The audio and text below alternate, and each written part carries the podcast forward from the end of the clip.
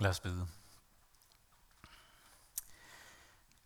Gud, vi takker dig for al din godhed. For al den skønhed, vi får lov at iagtage på en falden jord. Omgivet af sønder og omgivet af ja, sønder som os selv.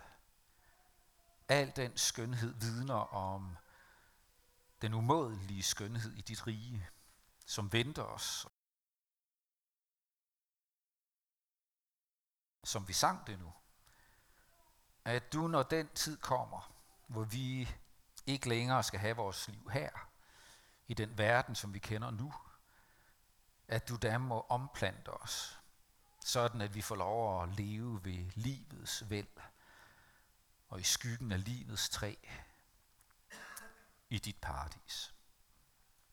Amen. Når vi ser naturens skønhed, sådan har jeg det i hvert fald. Når jeg ser naturens skønhed, så vågner der bare øh, taknemmelighed og glæde.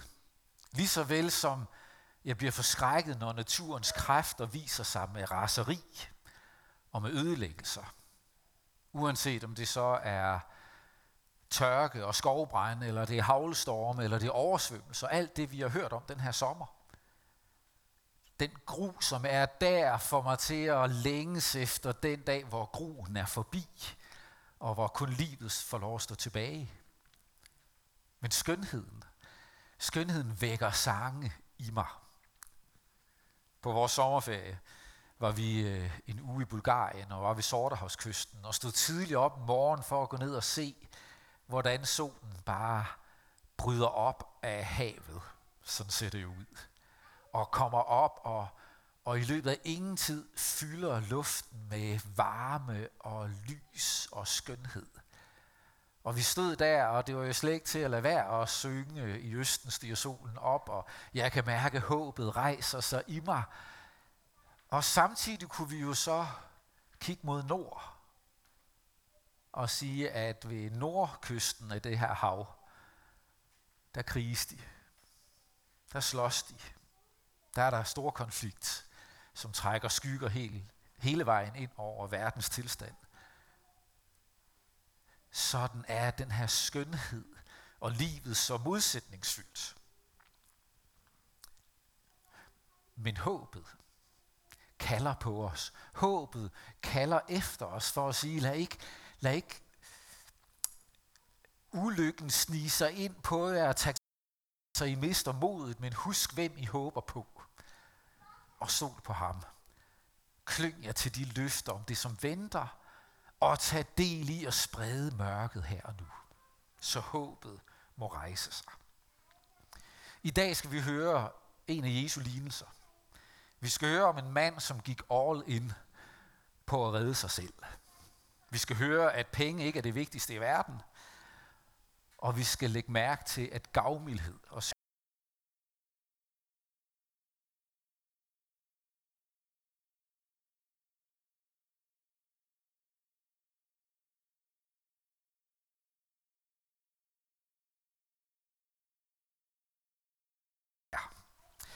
Lad os øh, rejse os og lytte til lignelsen, som vi har den fra Jesus og skrevet hos evangelisten Lukas. Jesus sagde også til disciplene, der var en rig mand, der havde en godsforvalter. Om ham fik han under hånden at vide, at han østlede hans ejendom bort –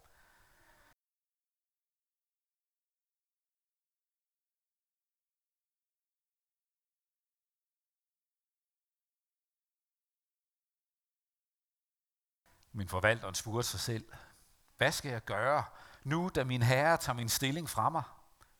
Grave har jeg ikke kræfter til. Tikke skammer jeg mig ved. Nu ved jeg, hvad jeg vil gøre, for at folk skal tage imod mig i deres huse, når jeg bliver sat fra bestillingen. Han kaldte så sin herre skyldnere til sig en for en, og spurgte den første, hvor meget skylder du, min herre? 100 ankre olie, svarede han. Forvalteren sagde, her er dit gældsbevis. Sæt dig straks ned og skriv 50. Derefter spurgte han en anden, og du, hvor meget skylder du? 100 tønder hvede, svarede han. Til ham sagde forvalteren, her er dit gældsbevis. Skriv 80. Og herren roste den uærlige forvalter, fordi han havde handlet klogt. For denne verdens børn handler langt klogere over for deres egne, end lysets børn gør. Jeg siger jer, skaf jer venner ved hjælp af den uærlige mammon, for at de, når den slipper op, kan tage imod jer i de evige boliger. Amen.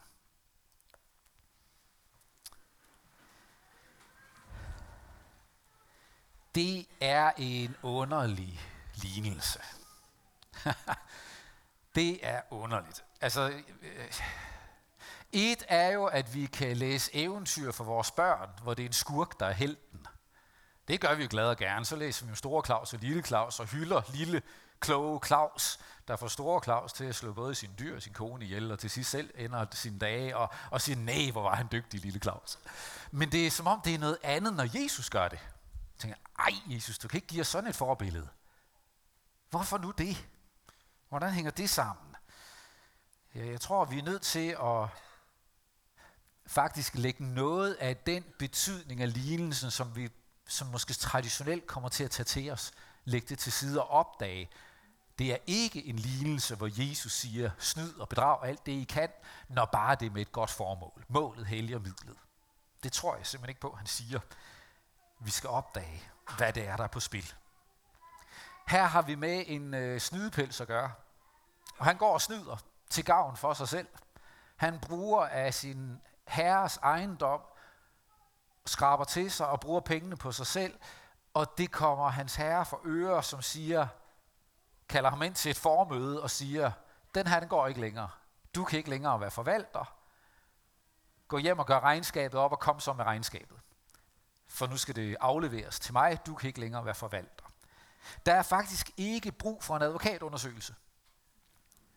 Der er ikke engang en mulighed for at lægge sig fladt ned og beklage alt, inklusiv noget, man egentlig ikke mener at have gjort, for der vil at prøve at redde sit skin. Der er ikke behov for noget som helst. Her er sagen så klar, at forvalteren godt ved, nu slutter det. Der er ikke mere at gøre. Dommen er givet på forhånd, han ved, han er skyldig, og han reagerer ved at snyde endnu mere. Ved at bruge endnu flere af sin herres penge og nedskrive gælden for nogle af de her lokale skyldnere, som så vil være utroligt taknemmelige for, at han viste så stor generøsitet, og de vil jo være taknemmelige til ejeren også for hans store gavmildhed, så meget, at ejeren ikke kan trække det tilbage og sige, ej, hør engang, jeg havde faktisk allerede nærmest fyret ham. Det er ugyldigt. Det kan han ikke komme afsted med. Han går all in. Han satser det hele på et bræt og siger, sådan her kan jeg undgå både at blive sat til at grave og til at tikke. Han redder sig selv. Han havde et ønske om, hvordan fremtiden så ud. Og det ønske var nødt til at definere, hvordan han handlede her og nu. Og det bliver rost. Herren roste den uærlige godsforvalter, for han havde handlet klog. Kai Munk han skriver i en prædiken øh, til den her tekst, sådan her, at lignelsen er den af vor herres lignelser, der har voldt de arme for tolker og mest søvnløshed. I deres panders og fingres sved har de slidt for at få den ældet til, så der kunne bages brød af den på en prædikestol. fordi, fordi hvordan i alverden kan man forsvare, at målet helliger midlet? Gå I hjem og gør lige så. Nej, det siger Jesus netop ikke. Han siger ikke, at de skulle gå hjem og gøre det. Vi skal ikke bage brød af snyderiet. Det var klogskaben, der blev rost. Og ham, der roser klogskaben, er, så langt jeg overhovedet kan forstå den her tekst, det er ikke Jesus, der roser klogskaben. Det er Guds ejeren, der roser klogskaben. Og så er det, som Johannes Møllehave skriver et sted, hvis en mand løber fra sit ansvar, og man derefter roser ham for at være en fremragende løber, så skal man være temmelig tykpandet for ikke at opfange ionien. Det er sådan, den her mand bliver rost af godsejeren, der siger, det der, det var smart. det var klogt, det var dygtigt, du har lige reddet dit otium.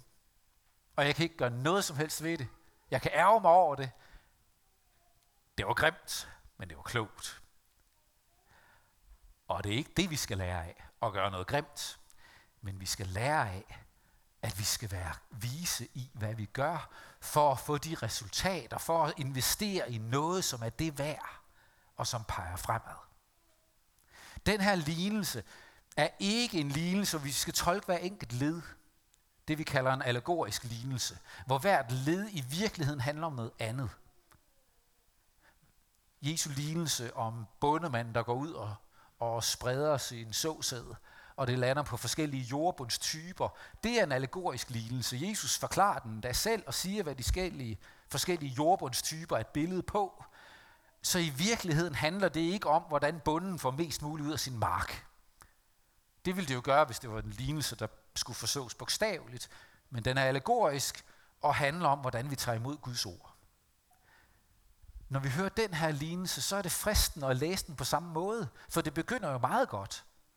Gud må være godsejeren, og forvalteren det er os. Vi er betroet forskellige gaver, evner og penge, men vi kan risikere at øsle med det. Vi kan misbruge det, vi forvalter, sådan at når vi bliver kaldt til regnskab i sidste ende på dommens dag, så er vi på den, fordi vi ikke har forvaltet det godt nok. Så langt går det jo rigtig godt med den algoriske lignelse. Det er meget, meget troværdigt og rigtigt. Men så dør det fuldstændig derefter, fordi så hvad er det så Jesus siger? Så, så for at undgå det, så skal I snyde og bedrage, så Gud ikke opdager, hvor dårligt jeg handlede, eller han er nødt til at tilgive jer, selvom han ikke har lyst, eller den der allegoriske tolkning holder simpelthen ikke til sidste del. I stedet er det her en lignelse, som bare har et punkt. Jesus, så det knytter til ved vores virkelighed. Han fortæller en, en regulær, almindelig historie, som man kunne forestille sig, at det fandt sted, om en forpagter, en forvalter, som misbruger sin position, og som så laver noget snyderi til sidst, så han faktisk slipper godt fra det i det store perspektiv. Og det bruger Jesus så til at sige, når I ser, hvor meget energi og kreativitet man lægger for dagen for at redde sit eget otium, for usle penges skyld, som alligevel bare forsvinder og går tabt igen, hvorfor er det så, at I, som kender mig, ikke er langt mere ivrige efter at handle med beslutsomhed og med energi og kreativitet for at investere i noget, som er langt større end jeres eget otium. Invester i, at I må have lov at mødes med nogen i de evige boliger i Guds rige, som vil sige tak for, at du er med til at investere i, at jeg måtte lære Jesus at kende. At jeg måtte lære evangeliet at kende. Hvorfor er I ikke kreative? Hvorfor lever I som om, at jeres eget otium er det vigtigste? Der er hans pointe til os. Gid I vil bruge jeres ressourcer for et større formål. Gid I vil være lige så opfindsom. Ikke for at snyde, men for at investere i noget evigt. Rosen går ikke på bedraget. Det er fortælleren. Det er godsejeren i fortælleren, der ros, i fortællingen, der roser. Jesus ord er en undren over, at vi ikke er mere ivrige for vi har noget langt større end vores pension at tænke på. I Bibelen på hverdagsdansk, der er det her oversat fantastisk godt, synes jeg. Der er også lavet en lidt anden inddeling, som man kan se, inddelingen af versene, så man kan se, at det der med rosen til den uærlige forvalter, det er en del af historien. Og så bagefter kommer Jesu ord, hvor der står, Jesus fortsatte, denne verdens børn behandler deres, folk af deres egen slags med større skabsindighed, end lysets børn gør. Og jeg siger jer, pas på, hvordan I bruger denne verdens materielle værdier. Brug dem til at skaffe jer venner og vinde dem for Guds rige. Når penge ikke længere har gyldighed, vil disse venner tage imod jer i de evige boliger. Enkelt og lige til, og jeg tror, det er den ene ting, Jesus vil sige med lignelsen. Pas på, at jeres penge ikke bliver noget, og jeres ressourcer ikke bliver noget, I bare bruger på jer selv, men brug dem på noget større. For penge er ikke det vigtigste i verden. En dag slipper pengene op, eller som Bibelen på hverdagsstand siger, en dag mister de deres gyldighed. Den valuta er ikke længere gældende. Pludselig er valutaen ligegyldig. En dag er det slut. Og den dag er der noget langt vigtigere. Hvem har del i Guds rige? Og det fantastiske er, at det kan vores mammon, det kan vores penge, det kan vores midlertidige værdier være med til at give videre. Vi kommer alt for ofte til at leve som om penge er det vigtigste. Og jeg går all in for ansvarlighed. Jeg mener, det er en god ting at være økonomisk ansvarlig. Jeg mener ikke, vi skal leve over evne. Jeg mener, det er fint med forsikring og pension, og at man tænker sig om. Den barske virkelighed er bare, at om 100 år, så er det faktisk fuldstændig ligegyldigt, hvor god jeg var til det. Men om 100 år har det evig betydning, hvordan jeg forholdt mig til Guds rige. Så proportionerne mellem min opsparing og mine penge og min økonomiske ansvarlighed i forhold til min åndelige ansvarlighed og villighed til at tage imod, hvad Gud giver mig, og være opmærksom på, hvad han betror mig. Forholdet mellem det er nærmest usammenligneligt i vigtighed. Hvorfor er det så, at vi nu alt for tit lever, som om det er lige modsat? At de største bekymringer, vi gør os, de økonomiske, og så kan det være, at vi har overskud til at tænke på noget åndeligt lidt senere. Hvorfor er det, vi bytter det rundt? Der er et eller andet vækststangshalløj der, som ikke er på plads. Igen Kai Munk. Vi skal lige have et sidste citat fra ham. Han, øh, hvis han skulle sige, hvad Jesus egentlig mente, så vil han sige sådan her, Jesus egentlig siger, I skulle skamme jer. Karl Munk var vel ikke den store diplomat. I skulle skamme jer, I der kæmper for de evige mål. I er lunkne og slappe og sløve. Men de, der kæmper for sig selv og for denne verdens mål, for de værdier, der visner og rådner i samme øjeblik, de får dem i hånden, se hvilke opbud de præsterer af lidenskab, af omtanke, af fantasi. Hvor blev, hvor blev lidenskaben og omtanken og fantasien af? Er det ikke det, Jesus undrer sig over? Jeg tror, han har en pointe, den gode Kai Munk. At det er det, Jesus vil os. Gennem historien har vi mennesker udvist en enorm kreativitet for at berige os, for at sikre os. Og Jesus spørgsmål er, når nu I tror på noget, der er større,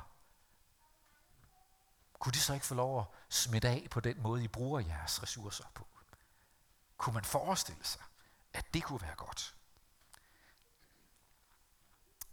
Igen og igen i evangelierne, der advarer Jesus mod penge. Det er faktisk det, han advarer allermest imod. Det er kærlighed til penge. Og her starter han godt nok med, pas på pengene, pas på, hvordan I forholder jer til de materielle værdier. Pas på med det. Men så kommer medicinen jo i næste sætning. Pas på med det. Og medicinen er, brug dem, i stedet for på en sådan måde, at I giver andre del i Guds rige. Brug jeres ressourcer på en sådan måde, at det ikke handler om dig, dig og dig og dine, men at det handler om det, som er større. Du kan være med til at give det bedste videre til andre. Den uærlige godsforvalter, han havde blik for én ting, det var at redde sig selv. Og Jesus han siger, I kan sætte et langt større mål. I skal ikke kæmpe for at redde jeres egen alderdom. I skal sætte alt ind på at være med til at give en evighed til mennesker omkring jer. Der er jeres største kald. Det er gavmildheden. Det er generøsiteten og den her som byggesten i Guds rige og som grundsten. At Gud er en gavmild Gud. At Gud er en Gud, der giver gaver, og han beder os om at ligne sig ved at tage imod fra ham, tage til os og give videre. Og lad ham velsigne det, vi giver videre. Og vi må have lov at stole på, også med det han siger her, at vores bidrag gør en forskel. Det kan godt være, at vi ikke har det store at give, men det vi giver, kan betyde noget langt større end en pension. Det kan betyde noget for evigheden. Der er perspektiv i det.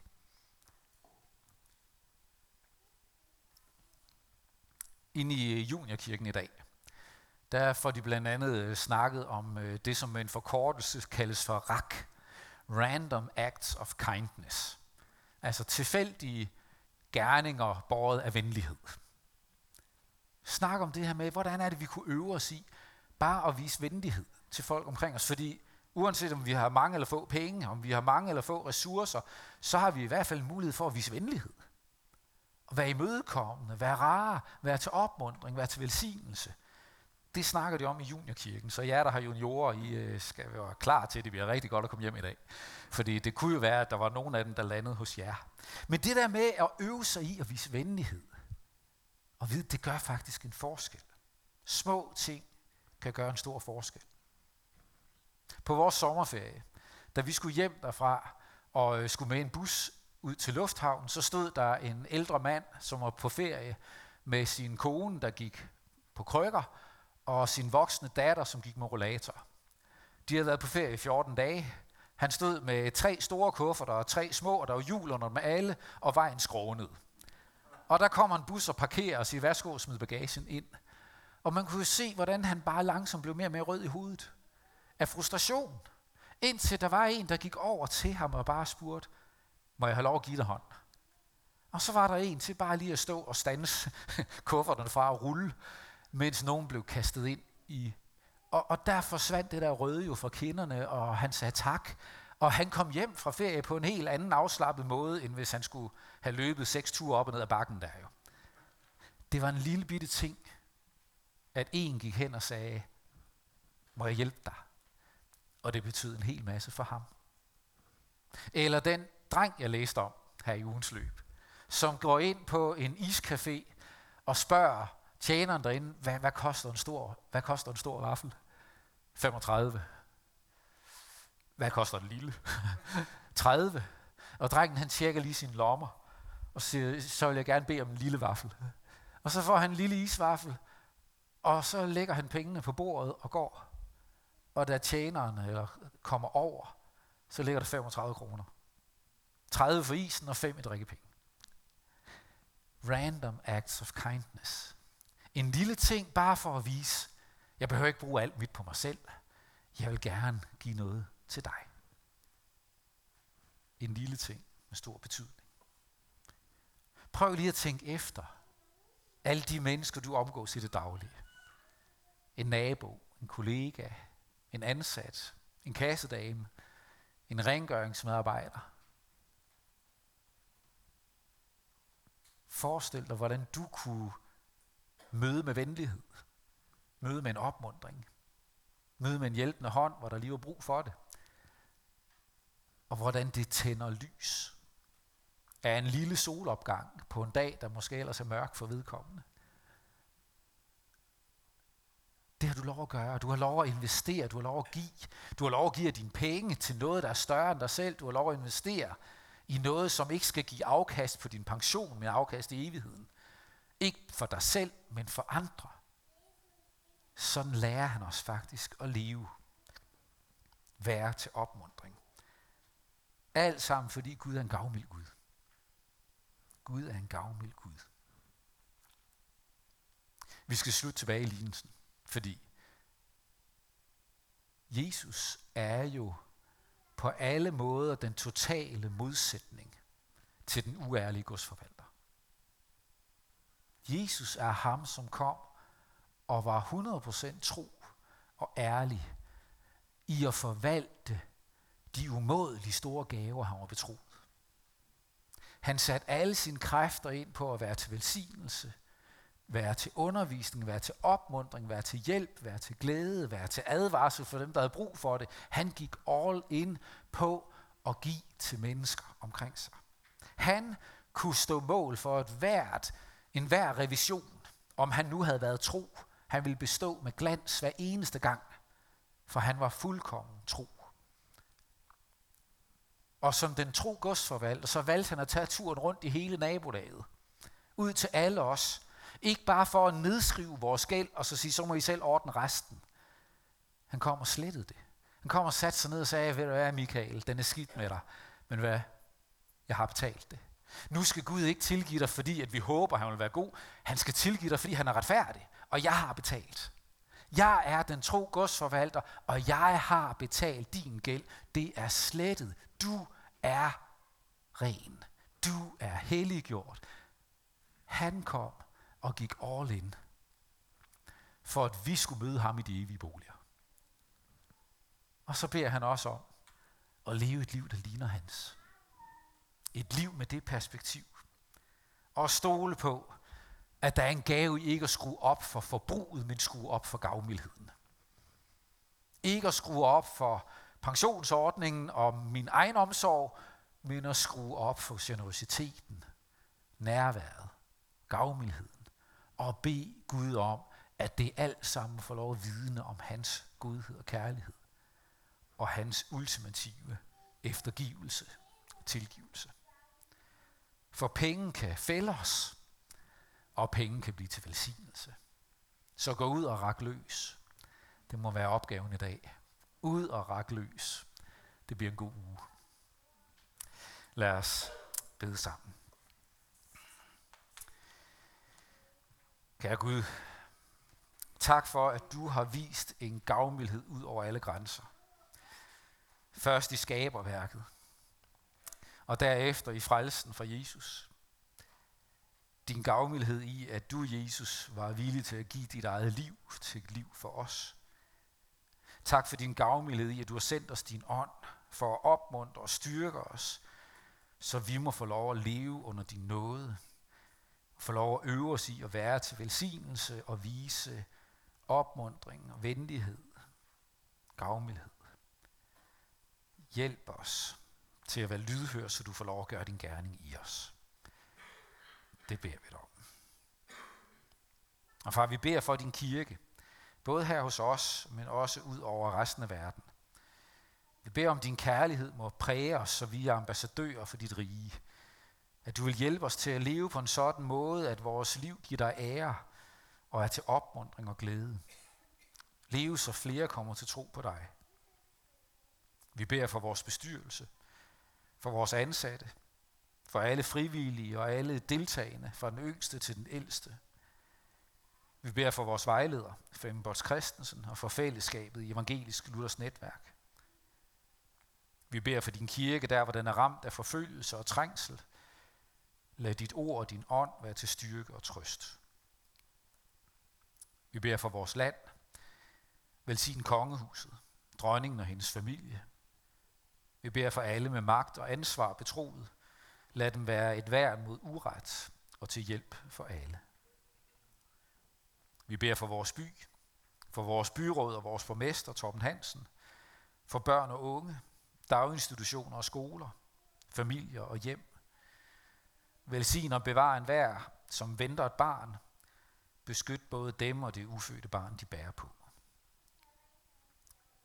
Vi vil også i dag på en særlig måde bede dig for dem, som står over for en ny sæson i livet. En ny periode, nye udfordringer, nye muligheder. Dem, der skal afsted på efterskole, den her weekend, eller næste weekend, eller hvornår de starter. De, som begynder på en ungdomsuddannelse eller læreplads. De, som har fået et nyt job, nyt hjem. En ny hverdag på den ene eller anden måde. Herre, lad dem øh, vide, at de går gennem det sammen med dig, og at du ved din ånd må lede og råde. Så beder vi for dem, der sidder med sorg og savn, fordi de har mistet. De, der lider under sygdom, på læge eller sjæl. Alle, der kæmper med anfægtelser eller manglende livsløst. Kom til os med din kærlighedskraft. Også når vi kæmper med brudte relationer eller et slidt ægteskab. Hjælp os til at tage vare på det, du har betroet os. Også skaberværket. Og hjælp os til at tage vare på dem, du har sat os imellem. Hør os, når vi nu hver især i stillhed beder for dem, du i dag minder os om.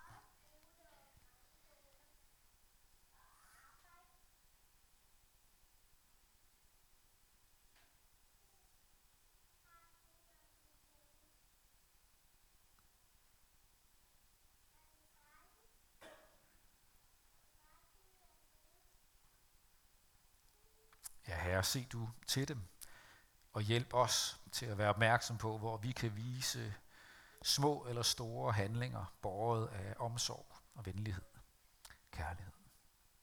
Bevar os hos dig, og lad os samles hos dig, når du nyskaber himmel og jord.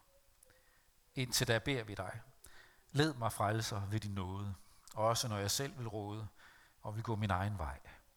Sæt mig, hvor jeg bedst kan gavne, men lad mig aldrig savne vidshed, at jeg tjener dig. Amen.